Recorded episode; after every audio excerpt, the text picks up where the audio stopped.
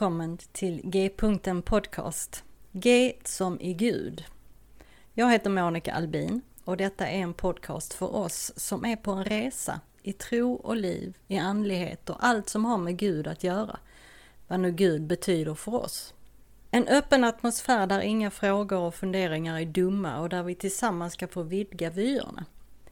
G-punkten betyder att Gud är mittpunkten, i centrum av samtalen och genomsyrar allt och alla. Och därifrån är vägarna öppna att fortsätta framåt och utforska nya vyer. Samtala de stora frågorna på ett vardagligt sätt hoppas jag att podcasten ska kunna erbjuda. Tack för att du vill vara med på den här resan. Så välkommen på resan mot G-punkten.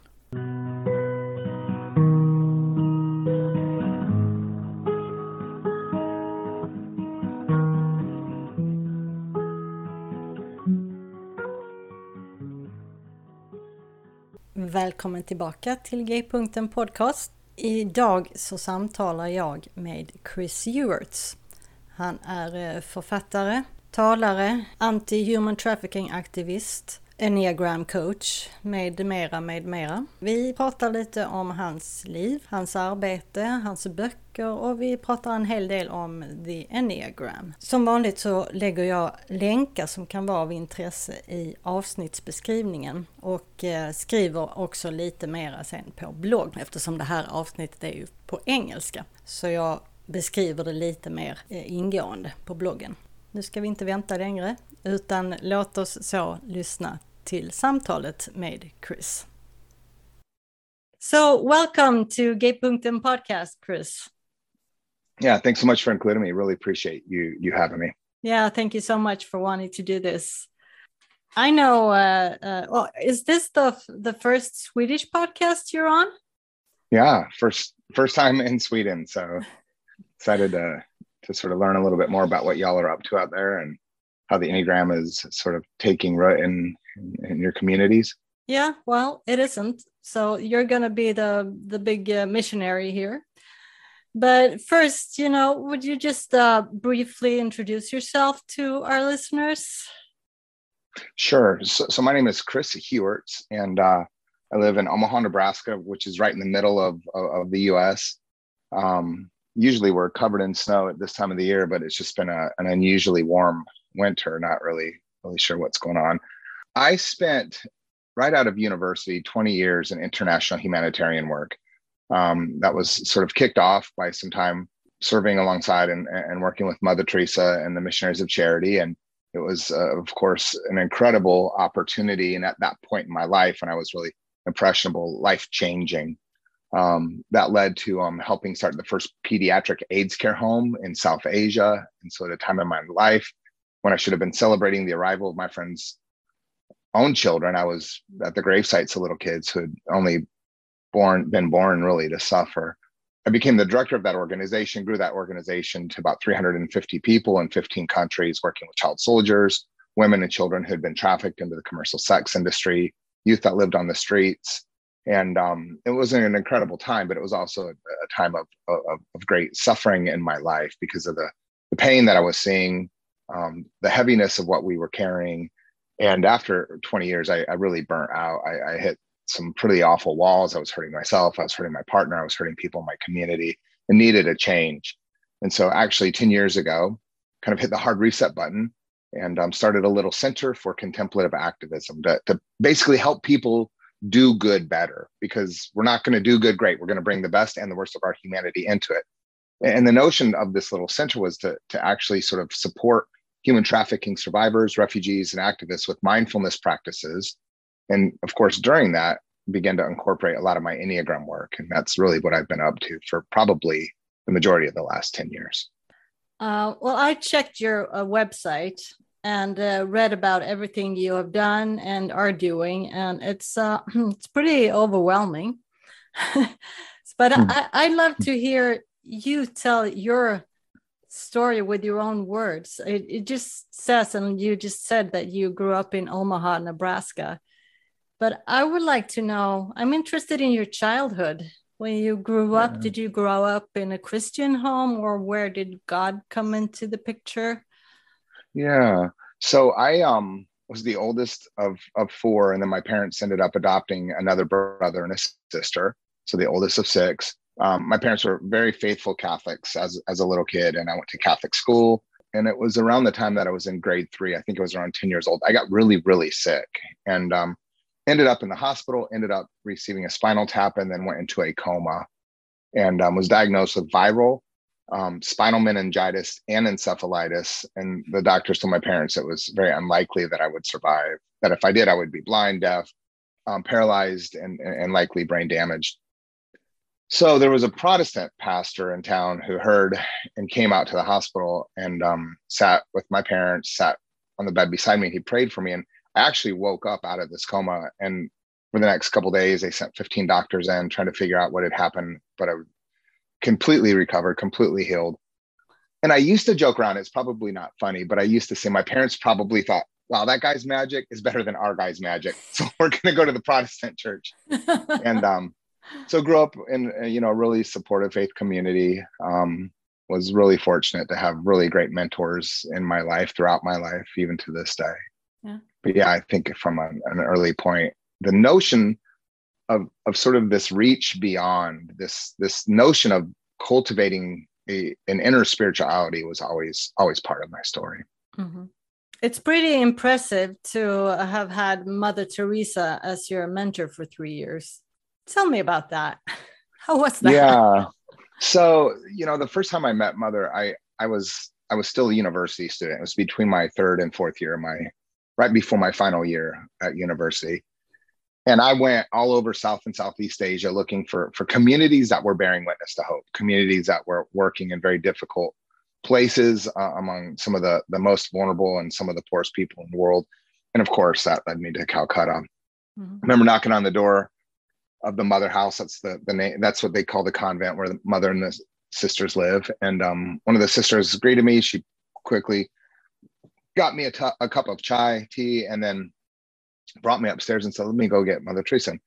So sitting there waiting, waiting, waiting, like, man, what am I going to say to her? What am I going to ask her that nobody's asked her? Like, how can I make an impression on her? And of course, she comes out and she's just the tiniest human being. And she grabs my hands and she sits me down right beside her and she puts my hands in her laps. And then she just looks really like as if she was looking through me and just starts asking, you know, where are you from? Why are you here? Tell me about yourself. And and and I totally felt like I was kind of trust falling into love and wow. just felt like I was so safe in her hands and in her embrace and you know maybe it was 15 20 minutes and and and and suddenly she had to to, to go off to another meeting and hadn't been able to ask her anything but I had just been so overwhelmed by her yeah. that was the, the the first of probably a dozen or maybe 15 times I was able to visit her because when I moved back to India and I lived there I lived in the south and so every time I go up to Calcutta, every time I would have friends or guests come to see me and we travel to Calcutta, if she was in town, she'd always make time to to meet with us to share a little reflection or devotion. Um, it was it was incredible.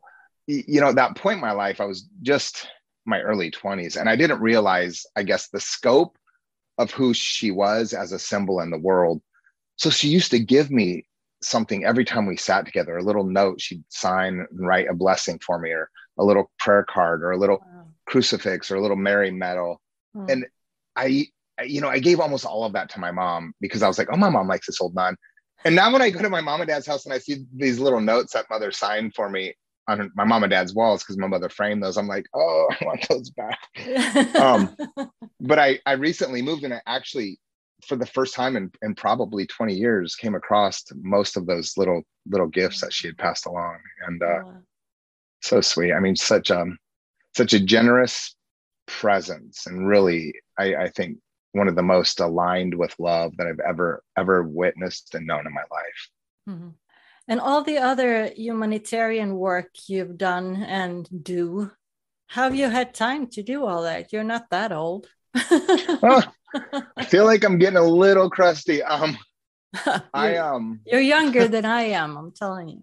I don't know. I I don't know. I I think um when I was younger, there was a lot of um there was a lot less distracting me when I got started. I, I didn't have the internet. I didn't have an email address mm-hmm. until you know a few years after I had come back from living in India. Um, I if I'm honest, I would say that probably some of the work that I was doing was a projection of trying to heal outside of myself what I didn't want to heal inside myself. And sometimes I wonder the harder I worked was the harder and the faster I was trying to run from myself.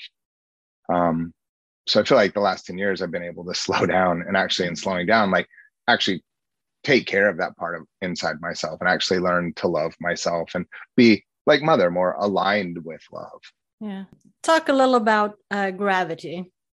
It, it's I, I, read about it and it sounds a little about uh, a, a, little like uh, cac center for action and contemplation the richard rohr's place yeah.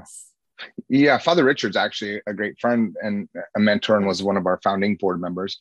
Yeah. um you know what we were trying to do when we started gravity was was was a couple things. Number one having burnt out in my humanitarian work wondered what would it have looked like had i actually tended to my own inner work my own soul work. What would it have looked like to do less harm to myself and others around me just because i was so driven and so overwhelmed with the suffering of the world? And i think um what that felt like was to to fuse contemplation and sort of our spiritual inner work. Um, and so, you know, I had made Camino de Santiago, of course, in, in the States, not everybody's familiar with that as, as much as they would be in Europe.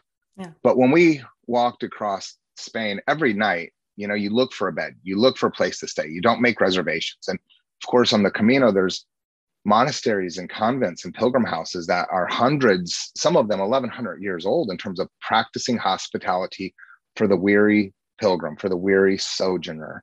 And I kind of felt like that was the beginning of gravity. Like, if you're a humanitarian, if you're an activist, if you're a human trafficking survivor and you're part of that fight, if you're a refugee and you're trying to, to fight for the rights of your community, that takes a toll on people and that wears people out on, on mm-hmm. every level the physical, the emotional, the spiritual level. And so, what would it look like, in a sense, to kind of set up a pilgrim house, a pit stop for the, the weary activist soul? And, and what could the food at that table be if not contemplative practice and mindfulness and meditation and things like the enneagram. So you know gravity essentially before the pandemic um, hosted several retreats and several workshops every year and weekly meditation circles. You know even now has a kind of a brokerage for enneagram coaches for one-on-one work for spiritual directors for one-on-one work. But it's really just to kind of accompany people in their own, let's say, stumbling forward and, and into into the arms of love. Oh, sounds sounds wonderful. Sounds like heaven. yeah, it's you know the surprise is that it is much more difficult to explain to somebody than setting up children's homes and yeah. fighting human trafficking. Mm-hmm. But I think the receptivity to it has has been overwhelming, and I think what's also been surprising about it is a, a community is formed around it and um, it's a community of people who i think in, in, in large part feel displaced from their faith tradition mm-hmm. because they're looking for something that's more practice based mm. and rooted in, in in in deep deep inner work deep soul work yeah so. and to c- combine this contemplative practices with the activism yeah it's uh it's foundational yeah.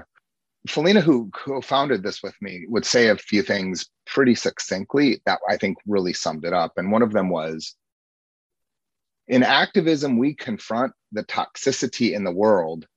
In contemplation, we confront it in ourselves. Oh yeah. And when you see, yeah, when you when you can understand that, it makes sense. But then she would go on to say, and to the extent that we are transformed, the world will be transformed. Oh yeah. And and so you can see the cycle in that. Uh-huh. that we we observe what we're doing outside of ourselves and inside of ourselves so that what happens inside of ourselves can impact outside of ourselves. But I, I think most of us get it wrong. We start outside of ourselves yeah. as a distraction. And right. so yeah. Oh wow. Like that that kind of gave me goosebumps. Mm. uh, okay. Well, let's talk Enneagram. Sure. It's widespread in the US, very much within Christian uh, circles, but not so much in Sweden. Hmm.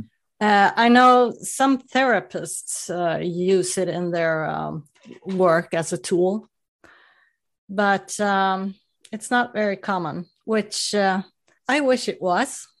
It's been and and it is a very helpful tool for me personally. Uh, it's been for uh, well a few years now, um, both in my work and in all my relationships uh, in my life. But I wish more people would uh, would, would know about it. So um, let's try to convince them. yeah. You learned about the Enneagram early. Am I right? Yeah, I I had a friend in Cambodia. He was um a man from New Zealand who was working in the slums there. Um, had married a woman who was actually a refugee from Cambodia during the the the Khmer Rouge genocide. Mm-hmm. Refugee to New Zealand. That's where they met. Um, they moved to Phnom Penh, and um, even to this day, run an incredible organization working with with at risk youth. I was visiting them. It was in the year 2000. We were having lunch on this rooftop cafe in this neighborhood on a hot, hot summer day. And he goes, Hey, mate, have you ever heard of the Enneagram? And I hadn't. And as he began to explain it to me, you know, I kind of joke around our types are always showing. And in the Enneagram, your type essentially is how, let's say, your egoic or psychic structure presents yeah. through a pattern of behaviors or addictive patterns or defense mechanisms. So he's trying to describe this thing to me, and I'm just resisting, pushing, pushing, pushing, pushing. And you know, I'm thinking like, oh, how convenient that the whole world could be boiled down to nine kinds of people. And I I listened enough that it made me really, really curious. And at the end of that trip, when I flew back to the States, I couldn't stop thinking about it. And so I was jet lagged. I was staying with a friend in Long Beach, California. And in the middle of the night, found all the the free tests online that I could and took them. I emailed my friend and I just said, Hey, I think I'm I'm getting close to to landing on my type, one of these nine numbers. I said, um, do these options look right? And he goes, mate, you're you're doing this wrong. And so he sent me an email back and he asked me a question about how I specifically relate to my mother. And what he was doing was kind of holding up one of the so-called childhood wounds. Yeah. And, and I felt like he punched me in the stomach. I mean, I felt like the breath got knocked out of me. It was like, whoa, is it this obvious to everybody but me?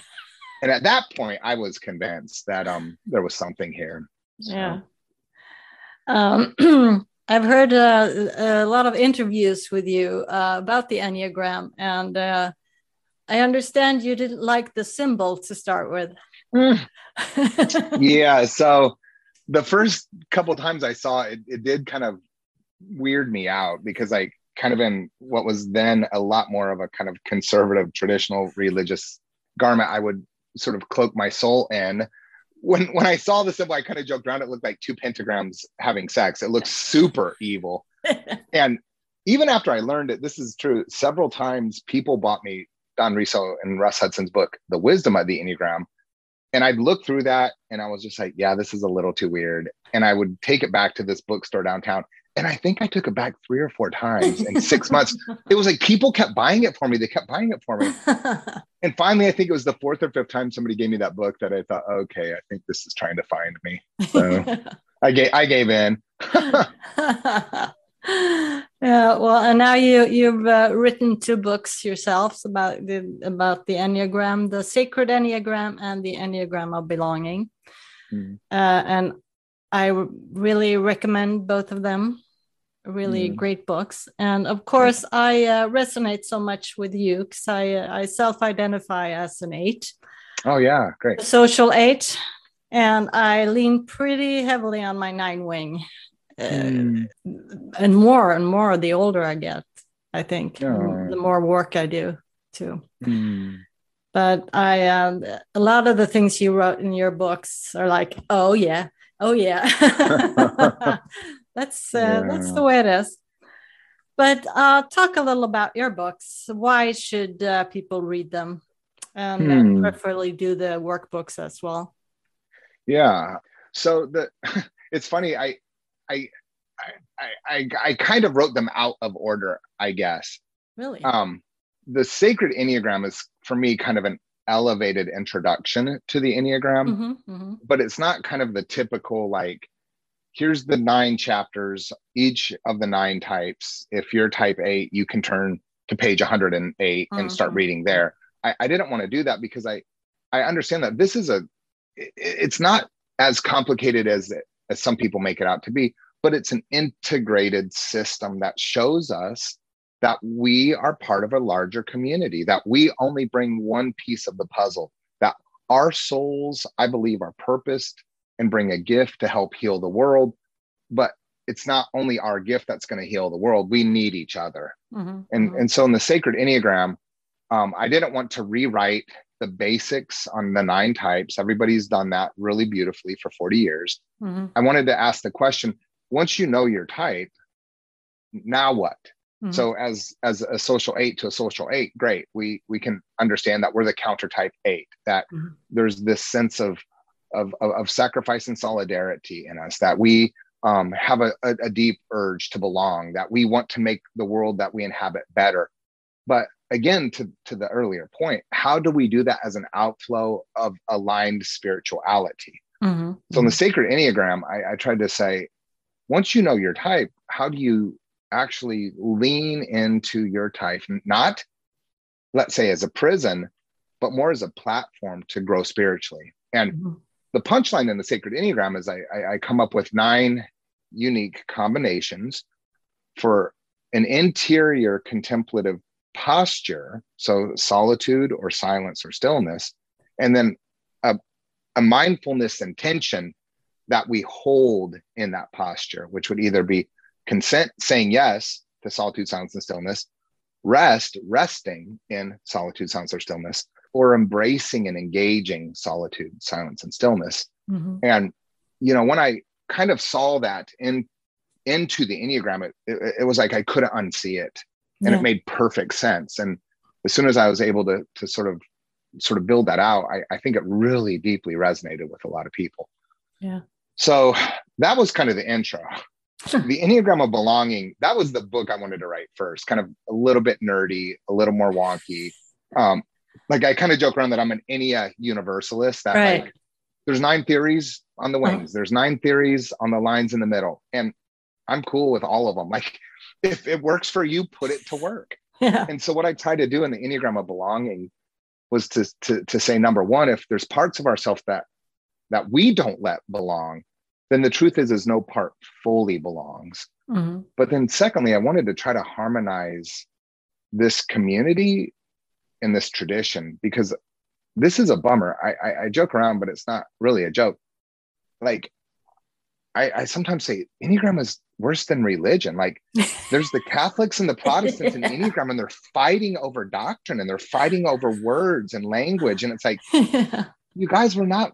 We're, you're you're harmonizing. You're you're right. you're you're not the counterpoint. You're harmonizing. And could we find more humanizing ways back together? Because here's the thing: I think the greatest disproof of the Enneagram is the broken, flawed community and the divisions within the mm-hmm. professional landscape of these great teachers, but people who've been very unkind to each other over the years. Yeah.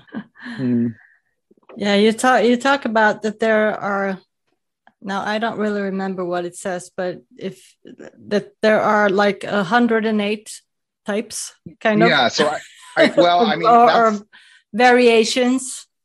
Yeah, that's one of the the theories out there and I and I actually think it's it's true. I think um we start with the nine basic types. The nine, you know, they've been called personalities, but I I, I think that's actually a, a, it's too thin to call these types personalities. But let's just say there's mm-hmm. nine types of psychic structures mm-hmm. or egoic structures, or there's nine types. You know, actually, what I like to say more accurately is the Enneagram shows us the nine ways we want to be loved, the nine ways we suffer not being loved and the nine ways that we attempt to get the love that we think will appease that suffering right mm-hmm. so let's start with the nine and for most of us nine's enough nine's uh-huh. too much yeah. especially if you're a five or a nine trying to figure this out yeah. um then you know what happens is you can discern of these nine types if you're let's let's say your instinctual or your unconscious compulsion or motivator is a desire for self-preservation if it's a sexual energy or if it's a social need. And when you take that self-press sexual social and you put it with type one you get three different ones. And so we call these the subtypes. So now mm-hmm. we move from nine to 27 subtypes. Mm-hmm. but when you take those three instincts and you stack them you get 54 instinctual variants. So I'm a social sexual, not a social self pres eight. And that's where I get one of 54. And then I would say I have a pretty big seven wing, and the wings are the numbers beside you. And that's how you move from 54 to 108. So I think you can get to 108 impressions yeah. of psychic structure yeah. or egoic egoic structure to sort of kind of figure out what the fingerprints on your your your your your your soul may be as mm-hmm. you show up in the world and contend with your own suffering as well as the suffering around you mm-hmm. and if you can really have a little bit of clarity on that it gives you a lot of compassion for your own suffering and that of course gives us more compassion for for the suffering around us yeah uh, maybe i should have asked you this first but if you were to uh, tell someone who doesn't know anything about the enneagram uh, what is it? Yeah. So just, uh, just ago, briefly I, I used, yeah. A long time ago i used to say this that the enneagram um, exposes to us our ego set of coping addictions mm-hmm. that we've wrapped up around the so-called childhood wound so that we don't have to tell ourselves the truth about who we really are. Now that's a lot to sort of comprehend. Um, so what it what i try to do in pulling back from that is just to say we're all trying to find our way home we're all trying to find our way back to our essence to our soul's created purpose for being. We're all trying to find our way to love. And in nine ways, we we suffer that disconnect from love. And in nine ways, we we long to be one with love. And in that longing, we we build out around us patterns and behaviors that protect the tender parts of us that don't feel love, that protect our vulnerabilities, and that actually hide into our shadow our our best selves. Mm-hmm. And, and and and I think this surprises people sometimes that we even put good parts of ourselves in our shadow, parts that we we don't feel comfortable bringing forward, right? Mm-hmm. So I, I think what the Enneagram shows us is, hey, in nine different ways, this is how you're human. In nine different ways, this is how you suffer. But in nine different ways, this is how you can be free and you mm-hmm. can radiate and share your gift of healing with the world. Yeah. And um, you know, unfortunately, what what's happened is to make this easier, the shorthand is that we've reduced these nine types into personality styles. Yeah. Um, but that's that that that's a quick way to to understand the energies. That's a quick way to get your your mind wrapped around them.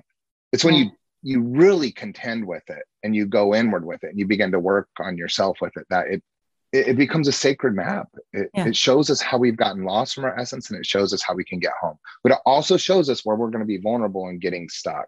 Mm-hmm. Oh, yeah. Yeah. It, t- it, t- it takes time. This mm. inner work, it takes time and, and effort. Yeah. And uh, I listened to your podcast, The Enneagram Map Makers, and mm-hmm. um, I, I really liked that because it was it was liberating. Mm-hmm. Kind of you know to to hear your those different uh, different mentors of yours describe uh, how they saw saw it all and yeah. it was very you know different from each other and it all it, it, was still some holistic thought yeah. in the enneagram of belonging you write uh, about belong behave believe become uh, talk a little about that I yeah like that. So I, I think you and I would kind of understand each other as um social eights, right? Mm-hmm. That so so what this would mean for us is that as an eight, we have this classically father richard Rohr used to say we have a need to be against mm-hmm. um, and so sometimes the different schools would call us a contrarian or a challenger that we like to just offer the counterpoint as a way of building trust we like to sort of provoke um, as a way of testing people mm-hmm. because as eights what we're afraid of and we're all afraid of of, of, of different things we're afraid that we're eventually going to be betrayed mm-hmm. and so if we feel like we're going to be betrayed if it's by a friend by a partner by a community by our faith tradition then, then we protect ourselves and part of that protection is is an uh, offensive external energizing pushing against pushing away mm-hmm. and if we can push and what we push against can take it can stand up against it or can even push back, then it helps us feel as if the confidence that that we present is being mirrored. And in that confidence we can learn to trust right?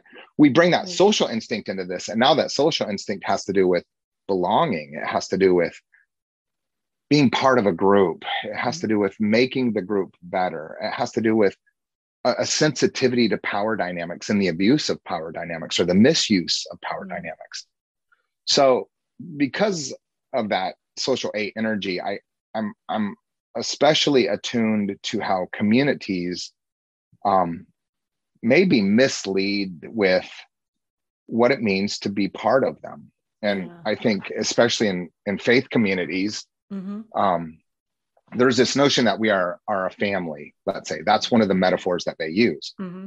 But but I think it's it's it's actually a malformation of what we mean by family, right? Because when, when I was born, my parents loved me. Like I belonged to them. I was their child. And as I grew up, I learned the rules. I learned I couldn't say bad words, um, especially at school or church, that I had to go to bed at a certain time, that I couldn't eat all the candy I wanted on a, on a Tuesday night. Whatever the rule was, uh-huh. if I misbehaved, I still belonged. And then when I got a little bit older, yes, I voted and vote different than my parents. I don't believe all the things that my parents believe religiously. Um, we have very different views on some of our social, some of the social issues that are important to us. But even though I don't believe the same things that they believe, I still belong. And, and you see, that's what family is. It, it, yeah. It's it's the rooting ourselves in the security of belonging. And so when we belong, it it's not contingent on behavior or belief. And that's what allows for a kind of becoming, a, a, a flourishing in the world because we've learned that over the course of our lives that that belonging isn't contingent, that uh-huh. belonging doesn't have strings. Now, that gets flipped around when you bring this into religious communities for the most part. Mm-hmm. And I don't want to say this as a judgment, but more as an observation mm-hmm. that the religious communities that I've participated in over the course of my life started with belief. Mm-hmm. If I believed the right things, I was on my way to belonging mm-hmm. because it wasn't only fidelity to belief, but it was validating fidelity to belief through behavior and mm-hmm. right behavior. And if I misbehaved, my beliefs were challenged. And if I misbehaved or I didn't believe the right things, I didn't fully belong. Right. And and, and I'll say this: probably 15 years ago, there was a, a supportive religious community that was investing in some of the the humanitarian work that we were doing in the world, hmm. and they had read some of the things that I had put out there that they thought were controversial or or not in alignment with their their um sort of core convictions. And so two of the, the, the clergy members actually called me up and were like, "Hey, let's grab lunch. We want to ask you some questions about this." and it was awful. They kind of good cop, bad copped me. Oh, and goodness. I totally could see it coming. But essentially what ended up happening over the course of this this launch conversation and then subsequent conversations over the course of several weeks is they made it very clear to me that simply because I believed a certain thing socially, I could not belong to their community. And it was devastating for me. Wow. It, it was one of the greatest pains up to my at that point in my life, it was one of the greatest pains. And uh, and I was surprised, and I don't know why I was surprised. I probably shouldn't have been surprised, but I think that's for many of us what we're yearning for is a kind of unconditional belonging. That it's mm-hmm. safe to be human. It's safe to be flawed. It's safe right. to bring our vulnerabilities into the relationships that mean the most to us. Right. And I think that's what happens with the Enneagram is when you can actually learn to accept your full self and mm-hmm. practice mm-hmm. that here, that's the world that you create around us because we know this we can only take somebody as far as we've gone ourselves right i can only love someone as deeply as i've learned to love myself and i can only receive love as deeply as i've learned to love myself mm-hmm. and so um that belonging is is is part of i think what the enneagram teaches us and, and and allows us to be guided into yeah as I said, I I have a pretty strong nine wing, and as mm. an eight, that's uh, sometimes a little complicated. Uh, sometimes I say that my uh, sometimes my eight says and does things that uh, takes my nine wing forever to process. It's, mm. it's like, oh, why mm. did I do that? Why did I say that? Uh, but uh, I couldn't stop myself. And then you, uh, I, I read this in the Enneagram of Belonging that you, um, the Enneagram Institute's name for an eight wing nine is the bear. Hmm. And I'm like, oh yeah, oh yeah, I'm Mama Bear. yeah. Yeah. Well, don't mess with your cubs. Don't mess what's important to you. Your oh yeah, no causes right. and your community and mm-hmm. the people you care for. Right. you wouldn't dare. What do you wish to accomplish through teaching and uh, motivating with the Enneagram? Man, I would just love to see people learn to love themselves better, to mm-hmm. um, find a little bit more levity in how we relate to our humanity, to um, you know, own our shadows and and and own our shadows with with compassion. Mm-hmm. And I, I, think if if those are some of the the gifts of of, of the efforts and the work, it's it's worth it. Yeah. But I also just want to remind people how beautiful they are and, and and and show them that that beauty is intrinsic that that beauty is something that isn't earned but it's it's received and and it's mm-hmm. already there mm-hmm. do you have any new books coming up i am supposed to be working on an introduction book so i i feel like i'm working backwards here um, yeah. but uh yeah i'm in the middle of a, of a move right now and I'm just trying to sort of find my legs real quick before I jump back into writing. So yeah, yeah, yeah. All right. So um, so that's on the agenda right now. Mm-hmm. Yeah, we'll see if that's something I can can jump back into in the next few months. Yeah, yeah. And then I would love to do a second season of my Enneagram Map Makers podcast. I think you that, should. Yeah. yeah. That first season, I, I really wanted to honor my teachers. Yeah. And um and it, you know, to be to be candid with you, um, it was a little difficult to get all of them to agree because some of them have really unfortunate history with each other. But mm-hmm. even bringing them into that sort of shared season was, I think, a, a step in, in, in in unifying this community a little bit more. Uh-huh. Um, you know, I, I for future seasons, I'd love to focus on spiritualities, yeah. and so have um, you know Islamic and Sufi and Jewish and Hindu and Buddhist and Protestant and Catholic and native spirituality from from the US here sort of reflect on how does this show up and supporting that part of ourselves. Oh, and then um great. Another season I'd just love to focus on vocation. Um, yeah. what does it look like to be vocationally aligned and find vocational fidelity with the gifts of type and I'm not suggesting that like you know you we, we we've maybe heard the cliche things that like people in sales are threes and people in uh-huh. healthcare are twos and people who are teachers are ones or fives it's like no no no no, no, no not no. like that like how do you bring the best of your type regardless of what your your work looks like in the world mm-hmm. and um and talk about that with people who've aligned it in ways that are that are life-giving and flourishing wow that sounds really interesting. I'll, um, I'll look forward to to those new seasons. Yeah, thanks. So, do you think I have forgotten to ask you anything?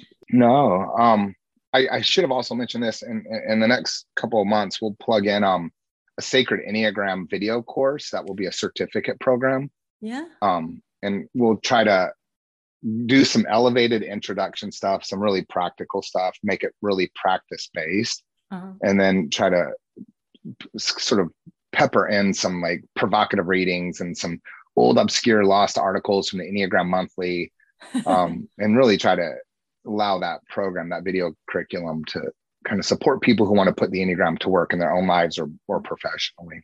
Yeah. Oh. so. Sounds exciting. So i have one last question that i always ask my guests and it's uh, where do you find pleasure and well-being right now?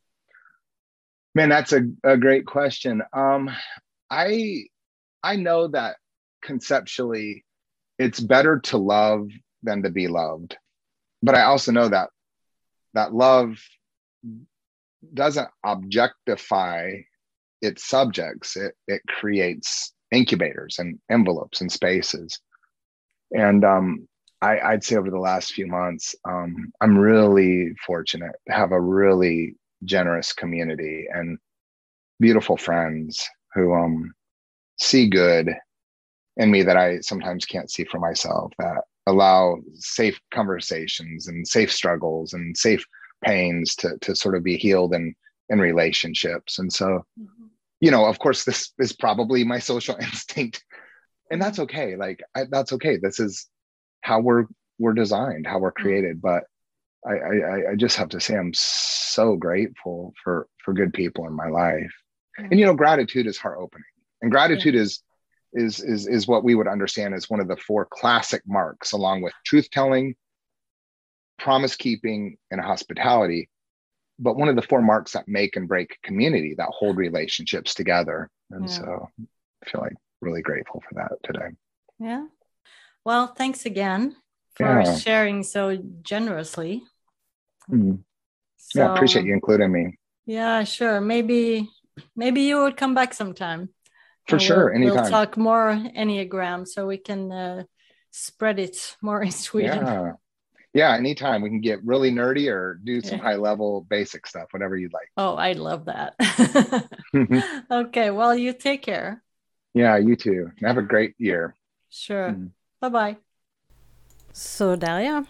Tack för att du har lyssnat. Om du tycker om avsnittet så dela gärna med dig av det på sociala medier och till dina vänner och ehm, skriv kommentarer och funderingar och så på Facebook-sidan eller på bloggen. Idag så vill jag avsluta med en liten text av den heliga Birgitta. Jag tycker att den passar bra efter det här avsnittet. Gör mig brinnande av kärlekens eld så att allt som är dig emot måste sopas bort som aska i blåsande storm. Vi hörs igen nästa vecka. Hejdå!